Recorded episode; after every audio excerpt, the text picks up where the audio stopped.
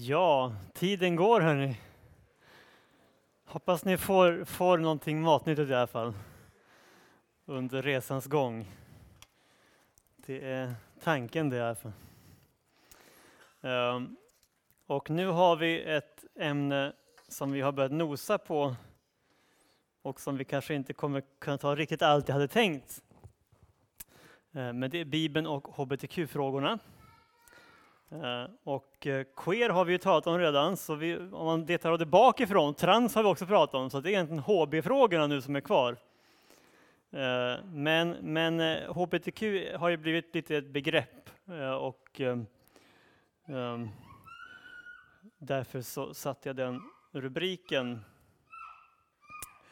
Um, om jag tar några saker lite, lite kort bara som, som inledning, så tänker jag så här att eh, när vi talar om vad Bibeln säger i de här frågorna, så en viktig sak som vi behöver ha klar för oss, det är att eh, förmaningstexter som finns i Bibeln kopplat till sexualitet eh, betonar generellt våra sexuella handlingar mer än något annat. Um, och det här tror jag är viktigt att se um, när vi kommer till en sån sak som homosexualitet jag har mer och mer börjat övergå till att tala om samkönat sex när jag talar om vad Bibeln uttalar sig om. För homosexualitet är ju en, en term som står mycket för en identitet också, att man har en läggning. Eh, och jag tänker att när Paulus, eh, som det ju ändå är särskilt som, som talar om, om samkönade relationer, eh, när han gör det så, så uttalar han sig helt enkelt om handlingar mer än något annat.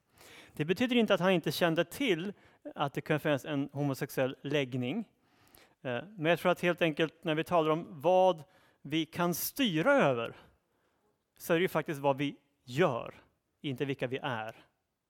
Ehm, jag kan inte påverka min heterosexuella läggning nämnvärt heller, så att säga. Eh, och jag tänker att eh, det som alla människor oavsett läggning har ansvar för, det är hur förvaltar jag min sexualitet? Och det var det vi talade om i förra passet. Hur kan jag leva så att jag visar att jag har Jesus som min Herre, inte min sexualitet som min Herre? Um, så jag tror att det är klokt när vi läser Bibelns texter att, uh, att göra den distinktionen. Uh, all trasighet i skapelsen är i någon mening en följd av synden. Uh, och som jag också har sagt så menar jag att även jag som heterosexuell cisman, som det så fint heter numera, då, har någon del av en trasighet. Alltså, även min identitet är i någon mening trasig. Även min sexualitet är i någon mening trasig. Ehm, så i den meningen så sitter vi alla i samma båt, men vi har lite olika saker att kämpa med. Vi har olika frestelser, vi har olika utmaningar. Ehm, om jag identifierar mig som homosexuell så har jag en typ av frestelser och utmaningar. Om jag identifierar mig som heterosexuell har jag delvis andra, men i många fall faktiskt ganska lika frestelser och utmaningar. Ehm, och jag läste ju om de korintiska männen som gick till prostituerade. Eh, de hade ju väldigt goda motiv. De menade att det här var ju en del av friheten i Kristus. Det är ju en jättefin motivering. Och trots det fördömer Paulus vad de gör. Eller hur? Och då tänker jag ungefär likadant man kan säga kring, kring hbtq, att vi måste kanske skilja mellan sak och person här. Att Bibeln eh, faktiskt uttalar sig tydligt kring vissa handlingar på det området som vi inte ska ägna oss åt. Men det betyder inte att vi fördömer personen eller skuldbelägger den personen i sig för de känslor han eller hon har. Så vill i alla fall jag tänka. Um. Idag är det ganska vanligt att man säger att Paulus kanske inte hade koll på det man i alla fall tidigare talade om som genuin homosexualitet, att han bara talade om promiskuös homosexualitet. Eh, där man levde allmänt lösaktigt eller kanske eh, exploaterande, typ homosexuell prostitution eller, eller pedofili.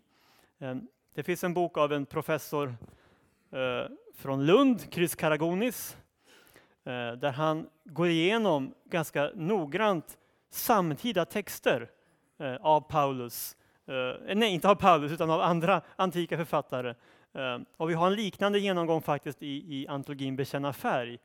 Eh, och både Chris Karagonis och min kollega Ray Baker visar i de här böckerna och texterna väldigt tydligt att det fanns en stor förståelse för olika former av homosexualitet i antiken.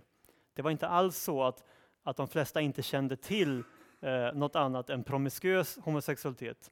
Jag tror Ray citerar ett tiotal texter där han tydligt visar att här rör det sig om Eh, ömsesidiga, respektfulla, kärleksfulla eh, homorelationer. Eh, så att säga att Paulus skulle vara okunnig om att det fanns sådana relationer och bara fördömde den promiskuösa formen av homosexualitet, det menar jag inte är trovärdigt, eh, rent historiskt. Så det är också en sak som kan vara bra att ha med sig som bakgrund när vi går in på vad, vad då Jesus eh, och apostlarna faktiskt säger om de här sakerna. Eh, jag har sagt en del om skapelseberättelsen eh, och som min vän Erik Johansson brukar säga, som ju själv är homosexuell men har valt att leva i celibat. Han säger så här att även om inte någonting i Nya Testamentet hade tagit upp den här frågan så skulle det för mig räcka med skapelsetexten. För där läggs ju hela grunden för hur Gud har tänkt kring vår sexualitet. Och jag håller med honom, både utifrån att Paulus och Jesus själva hänvisar tillbaka till skapelsetexterna. Där läggs den nödvändiga grunden för vad som är Guds syn på sexualiteten. Um. Nu är det ju så att idag så, så har man eh, i vissa sammanhang eh, läst också de texterna och sagt att det spelar ingen roll att det just råkar vara en man och en kvinna i skapelsen. Det viktiga är att det är två personer som älskar varandra. Eh, det står att kvinnan är mannens hjälp och ett stöd för honom och det kan ju även en annan man vara till exempel. Och sådär. Um, men jag tror att eh, om man läser de här texterna lite mer noggrant så ser man att det finns eh, Eh, en, en tydlighet i komplementariteten som jag har talat om mellan man och kvinnan. Eh, det som gör kvinnan unik när hon skapar sig är att hon liknar mannen. Hon är skapad ur hans sida, hans revben. Men hon är också olik honom och kan komplettera honom. Hon har saker han inte har och han har saker hon inte har. Och därför det finns en, en sån eh, hemlighet också i att man och kvinnan återförenas i äktenskapet. Precis som de en gång hade samma ursprung och skildes åt i skapelseakten så återförenas de här i samlaget, för att vara konkret. Eh, de blir på nytt ett kött.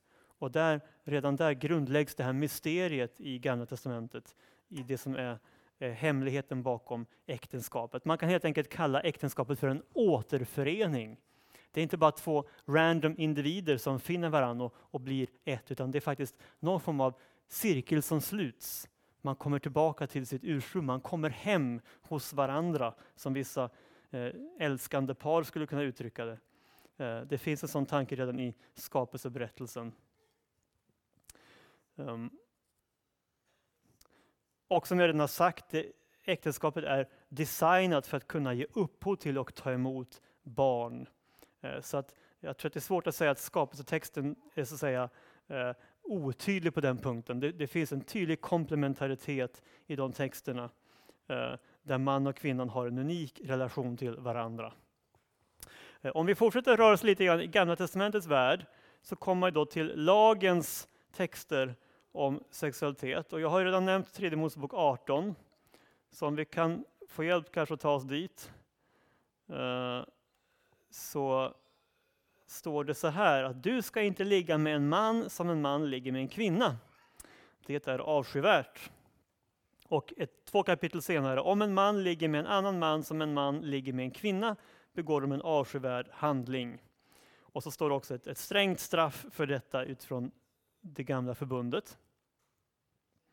Um, och det är intressant med den formuleringen, som en man ligger med en kvinna. I det läser många faktiskt in en hänvisning tillbaka till skapelseberättelsen. Alltså, du ska inte ligga med en man som, så att säga, skapelsen talar om hur man och kvinnan förenas. Eh, det ligger liksom i strid med, med Guds plan. Um, och som vi nog alla vet så är det ändå en, en stor diskussion om vi som kristna överhuvudtaget ska bry oss om de här texterna. Uh, dels för att de ingår i Gamla Testamentets lag, och som kristna står vi ju inte under lagen på det sätt som judarna uh, gjorde. Ehm, men också för att de här straffsatserna som nämns är väldigt hårda och någonting som vi kan rygga tillbaka inför.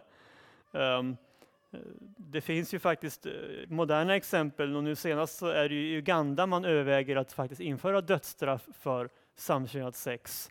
Och jag tycker personligen att det är, är förskräckligt att, att, man ens överväger det. Um, vi ska inte alls tillämpa de här texterna på det sättet tror jag. Men eh, jag tänker så här att eh, när vi läser Gamla Testamentet så brukar vi ju skilja på lite olika nivåer i lagarna. Där vi talar om ceremoniella lagar och civillagar och etiska lagar, morallagar. Eh, de ceremoniella lagarna berör ju det här med templet och gudstjänsten och, och offren. Och, och, där är det ju inte så enkelt som att de har upphävts, utan de har ju uppfyllts. Orsaken till att vi inte följer de lagarna är att de redan är fullkomnade genom Jesus, som är den fullkomliga översteprästen som har gjort det fullkomliga offret. Eh, så att det är inte så enkelt som att de inte längre gäller, utan de gäller ju, men de gäller ju genom Kristus. Det är ju poängen. När det gäller de civila lagarna så är det mer specifikt knutet då till Israels samhällsbygge, där man faktiskt byggde en jordisk teokrati under en period. Och i det ingick också vanliga juridiska funktioner, till exempel straff. Och då menar jag att när det står att det är i det här fallet dödsstraff för vissa synder så hör det till det civila området, hur man utdömde straff där och då eh, i sitt samhälle. Och även det är uppenbart någonting som vi som kristna är så att säga, lösta från, för vi är inte kallade att bygga en teokrati, vi är kallade att leva i Guds rike som ett andligt rike eh, som överskrider alla eh, etniska gränser. Ehm, så även där kan man säga att skillnaden mellan förbunden gör att straffsatserna är inte tillämpbara för oss idag. De säger självklart fortfarande någonting om allvaret i att det här är något som Gud inte bejakar. Men jag menar helt enkelt att det är det etiska budskapet i den här texten som är på något vis kvar fullt ut också i nya förbundet. Men, men den juridiska, civilrättsliga delen är vi lösta ifrån. Ehm, och eh, eh, därför tänker jag att det vi, vi har goda skäl att stanna upp inför lagarna i tredje Moseboken. Men det är kanske inte där vi ska lägga krutet när vi liksom definierar vad är en kristen syn på de här sakerna. Utan jag menar snarare att det här säger någonting utifrån det gamla förbundets spelregler om vad Gud tänker kring sexualiteten. Och det budskapet förs faktiskt vidare i nya förbundet. För som jag sa, Jesus själv fördömer otukt och Paulus gör det vid många tillfällen, även de andra författarna i Nya Testamentet. Och otukt definieras i just 3 Mosebok 18 och inkluderar därmed också samkönat sex. Um, och då kan man ju tänka så här, ja men okej, okay, uh, kan det vara så att uh, Jesus apostlarna faktiskt uh, ändå omdefinierar otuktsbegreppet när de använder det Nya Testamentet. Att de helt enkelt menar ett snävare begrepp som inte inkluderar samkönat sex. Ehm, jag har redan varit inne på den frågan. Jag ser väldigt lite tecken på det. Ehm, Johannes döparen som sagt gick själv i döden för att han försvarade just de lagarna i tredje Mosebok 18. Ehm, men eh, det man då ofta uttrycker det som idag, det är att det Paulus vänder sig mot eh, när han problematiserar samkönade relationer så är det då pedofili eller homosexuell prostitution, för det vet vi att det var utbrett i den tidens kultur. Um, och då blir faktiskt just de här texterna i tredje Mosebok 18 lite uh, intressanta på nytt. Uh, Paulus fördömer ju samkönat sex i tre texter. Vi ska snart titta på den viktigaste, och det är, först, det är kapitel 1 i Romarbrevet. Eh, men en annan viktig text, det är ju eh, första Korinthierbrevet 6. Eh, där Paulus talar om de som utövar homosexualitet eller de som låter sig utnyttjas för sådant. Det är helt enkelt en beskrivning av de två parterna i en manlig sexakt. Ehm, och Paulus tar ju avstånd från, från både, båda parter i den relationen. Ehm, men det som är intressant är att om man läser den här texten på grekiska eh, då ser man att ett av de uttryck som Paulus använder av, sig av är arsenokoitai. Ehm, det är första gången som det dyker upp i den grekiska litteraturen. Ehm, det verkar helt enkelt vara så att Paulus uppfann ordet arsenokoitai för att få fram sin poäng. Eh, och då blir det helt plötsligt lite intressant igen med tredje Mosebok 18.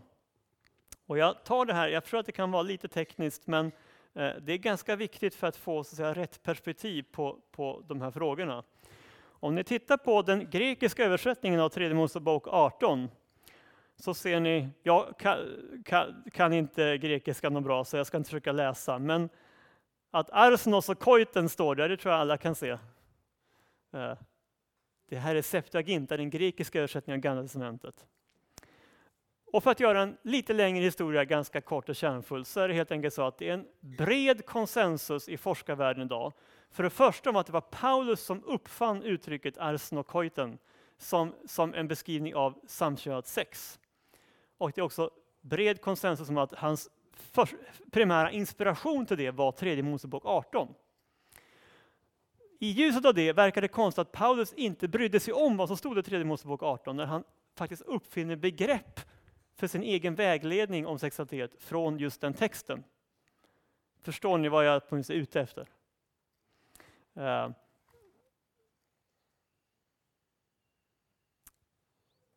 därmed tänker jag att Gamla testamentets undervisning i frågan är fortsatt relevant.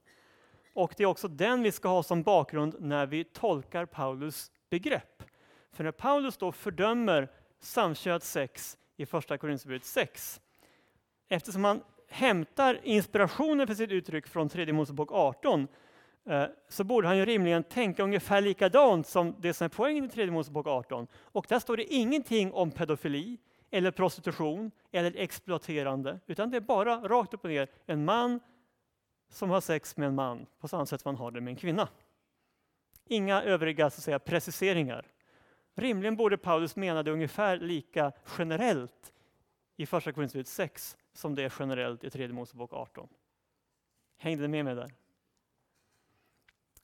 Det är ju sen lördag eftermiddag så jag begär inte att alla ska. Men jag, jag tänker jag vill bara för det här är lite grann eh, på ett sätt det teologiska finliret, men det är precis de här sakerna som debatteras kring de här texterna. Och därför tycker jag att det här kan vara värt att, att bara peka på.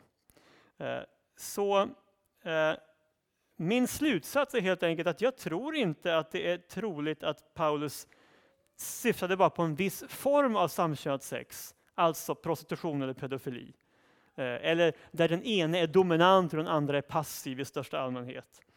Eh, utan eh, eftersom man hämtar sitt språkbruk från en text som inte har några sådana kvalifikationer så verkar det helt enkelt vara en mycket mer grundläggande fråga som upptar Paulus och det är att samkönat sex strider mot skapelseordningen. Därför är det fel. Ingenting annat. Det strider mot skapelseordningen. Om vi då går till den viktigaste texten, och det är alla överens om som, som eh, jobbar seriöst med de här frågorna, att förutom skapelsetexten och möjligen Matteus 19, där Jesus också undervisar om äktenskapet, så är det Romarbrevet 1 som är huvudtexten kring eh, samkönat sex i Nya Testamentet. Det är bara ett par verser även där, eh, men det kommer i ett sammanhang som gör det här lite intressant. Det står att de bytte ut Guds sanning mot lögnen och dyrkade och tjänade det skapade istället för skaparen, han som är välsignad i evighet. Amen. Därför utlämnade Gud dem åt förnedrande lidelser. Deras kvinnor bytte ut det naturliga umgänget mot det som är onaturligt.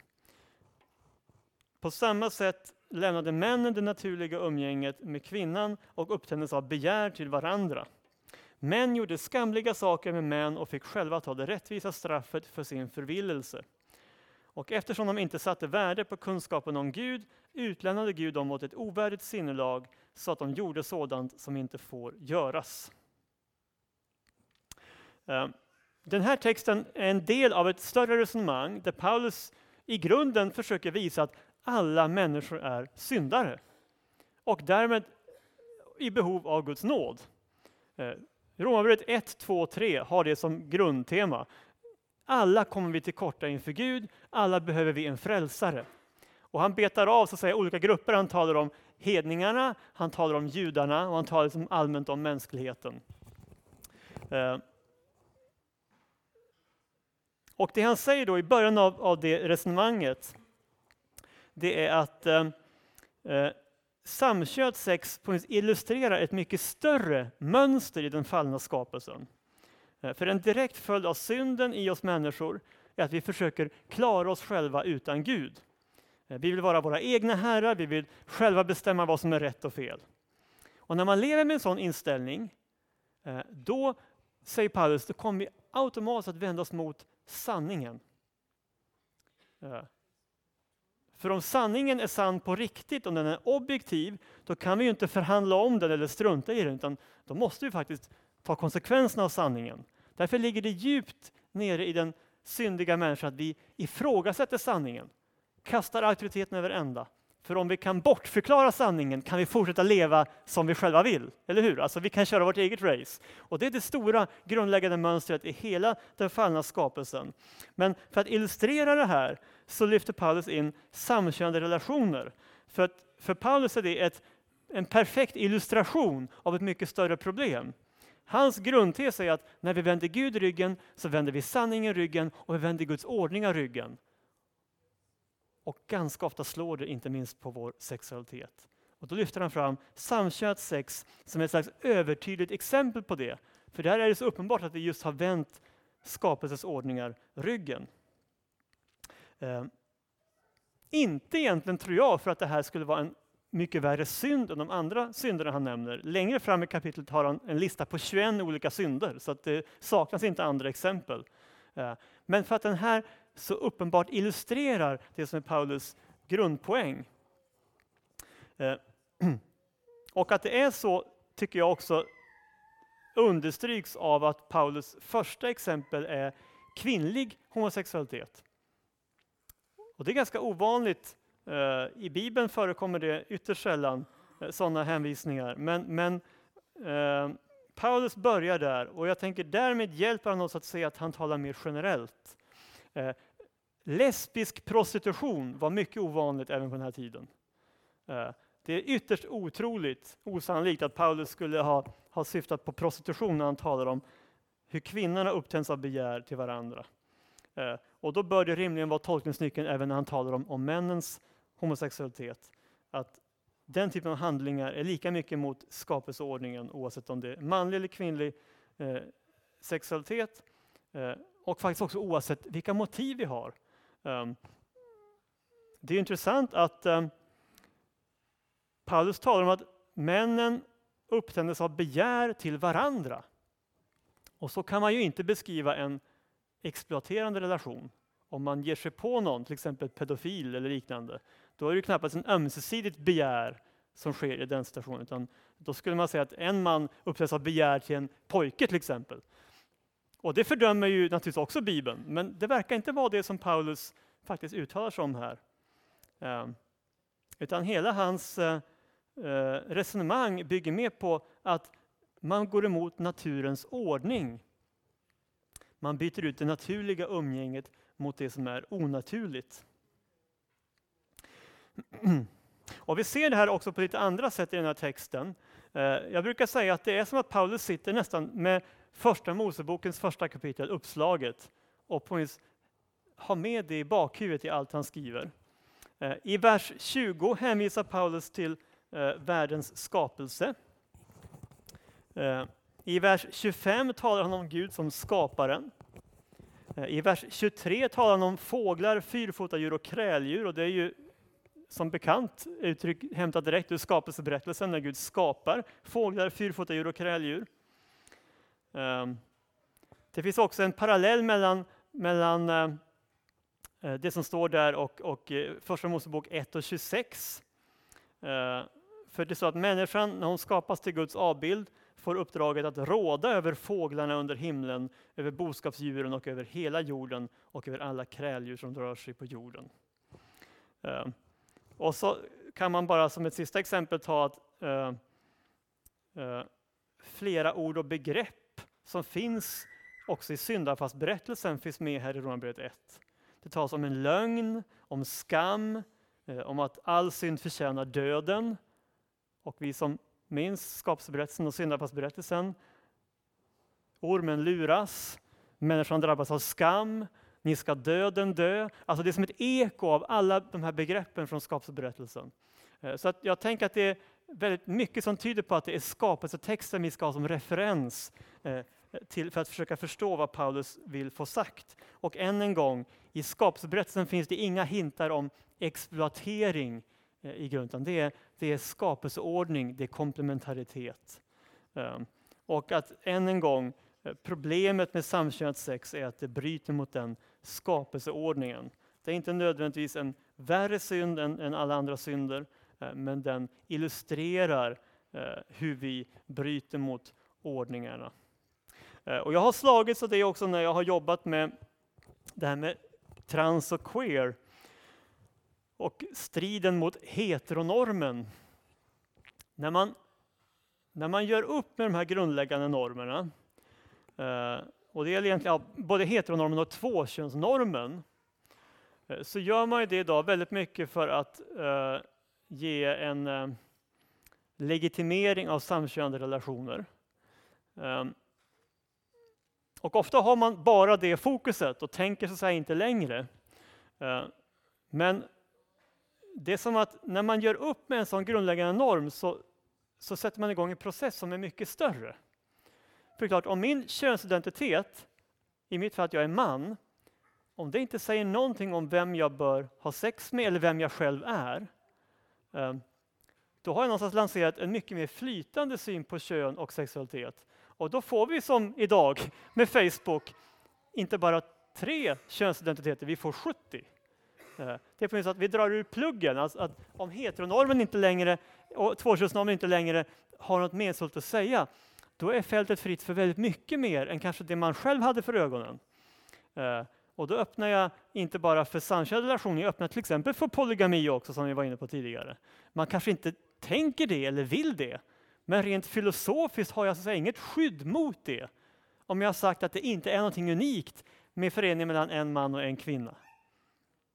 Ja, men om det inte är något unikt, då finns det ju, kan man ju vidga cirkeln egentligen väldigt långt. Och jag upplever att det är ganska mycket det vi ser idag. Um, jag talar mer och mer om heteronormen som en slags del av ett ekosystem. Det som händer i ett ekosystem när man plockar ut en viss art. Då vet ni att de som lever på den arten också drabbas. Uh, det eh, slår mycket bredare än att bara den lilla arten försvann. Ungefär så tänker jag kring heteronormen. Om vi plockar ut heteronormen Kanske just för att stärka eh, en viss grupp, ofta då homosexuella, eh, så kanske konsekvensen blir att det banar väg för en hel queer-ideologi, till exempel. Mycket mer långtgående konsekvenser än vi tänkt oss från början. Och för mig förklarar det också faktiskt varför Paulus väljer att ehm, ge det här exemplet i Romarbrevet 1. Det är inte bara ett exempel vilket som helst, det är en skapelseordning. Så jag tror inte det är en slump att Paulus lyfter fram det. Tre korta punkter som avslutning. Eh, jag lovar att jag ska vara klar innan sex. Eh, vi hade kunnat säga mycket mer om det här, jag fick ta det lite kärnfullt. Eh, men det är så en dag som denna. Eh, jag menar att en läsning av Romarbrevet 1 landar i åtminstone tre punkter som vi behöver ha med oss för att få rätt perspektiv. Det första som är solklart utifrån Paulus undervisning, det är att vi är alla syndare. Eh, ingen människa har något, någon rätt att peka finger åt någon annan och säga att jag har mitt på det torra, men du däremot är förtappad och usel. Det funkar inte så. Om vi läser till i Paulus ord eh, så har ingen av oss någon rätt att peka finger åt någon annan.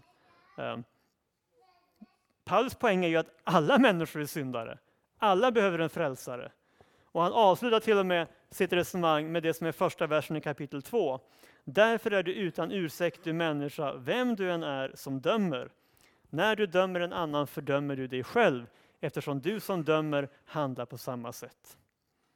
Så om vi rätt ska förvalta Romarbrevet 1 så måste vi se den här sidan av, av den undervisningen. Syftet Paulus har är att vi alla ska inse vårt behov av nåd och förlåtelse.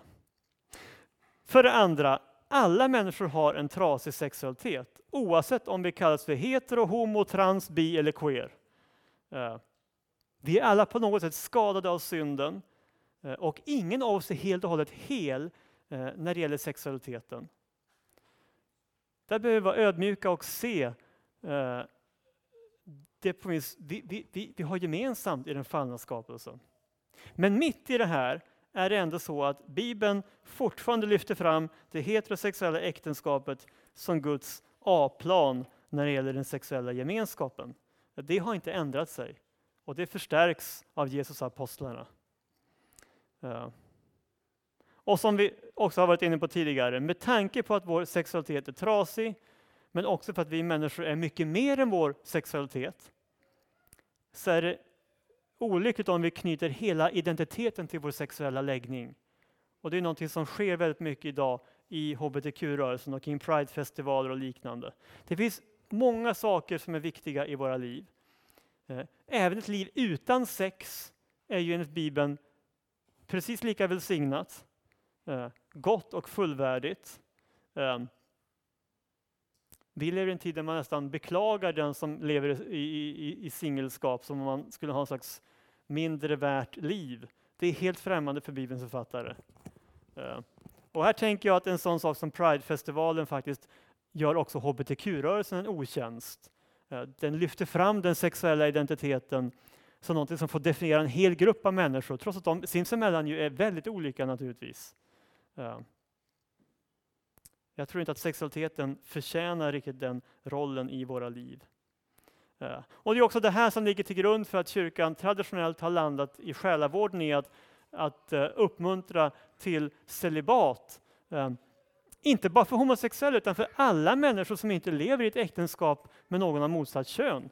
Och det gäller ju egentligen ännu oftare heterosexuella singlar. Om vi tittar på befolkningen i stort. Eh, så att jag ser ingen dubbelstandard här. Jag tänker mig att det är äktenskapet som kyrkan pekar på.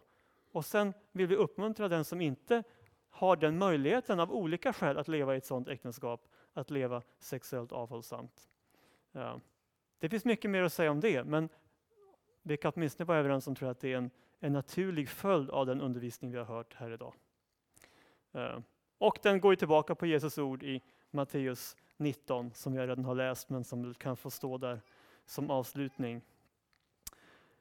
Det finns de som inte kan gifta sig därför att de är födda sådana och de som inte kan det därför att människor gjort dem sådana. Och det finns andra som för himmelrikets skull inte gifter sig. Den som kan förstå detta må ta det till sig. Och jag hade gärna sagt mycket mer, eh, men jag ska inte göra det. Eh, jag kan ju lyckligtvis hänvisa till en och annan bok ute på bokbordet. Eh, Eh, gå gärna förbi där innan ni går så jag inte behöver ta med allt hem som ligger där nu. Det finns ju också helt andra titlar. Men, eh, och jag är kvar också om ni har någon fråga. Jag kan inte stanna så länge, men en liten stund. Och jag, jag pratar gärna om det jag tänker att, sådana. Är det någon som klämmer på en fråga här som ni vill ställa offentligt, så varsågoda. En fråga.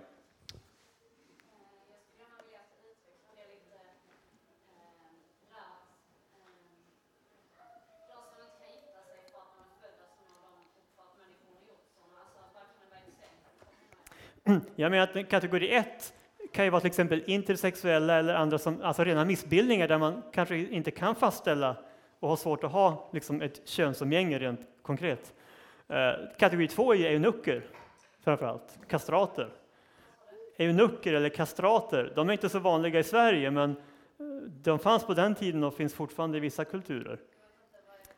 Alltså när man kastrerats, att man inte kan ha sex helt enkelt, rent fysiskt. Typ sådana som vaktade kungens harem. Jag menar, Ja. ja, det är ju den tredje kategorin som är den så att säga bredaste. De som för himmelrikets skull inte gifter sig. Där kan man ju lägga in lite olika saker. Och det är ju delvis öppet för tolkning. Men, men helt klart, Jesus mycket tydligt ger en bredd av ingångar i frågan. Alla de här kategorierna har det gemensamt att äktenskapet kanske inte är deras väg. Eh, men ni kan fortfarande tjäna Gud. Tack så mycket då. Tack så mycket Olof för att du kom hit och har gett oss så mycket kunskap och klarläggande utbildning och undervisning här i eftermiddag. Det var mycket gott och eh, vi har fått många verktyg som vi kan ta med oss hem och, och eh, vi kan använda kanske den offentliga debatten om vi nu vågar det och också i samtal med våra medmänniskor. Ehm, vi hade nog behövt en hel dag men nu fick vi det en eftermiddag och det är vi väldigt tacksamma för.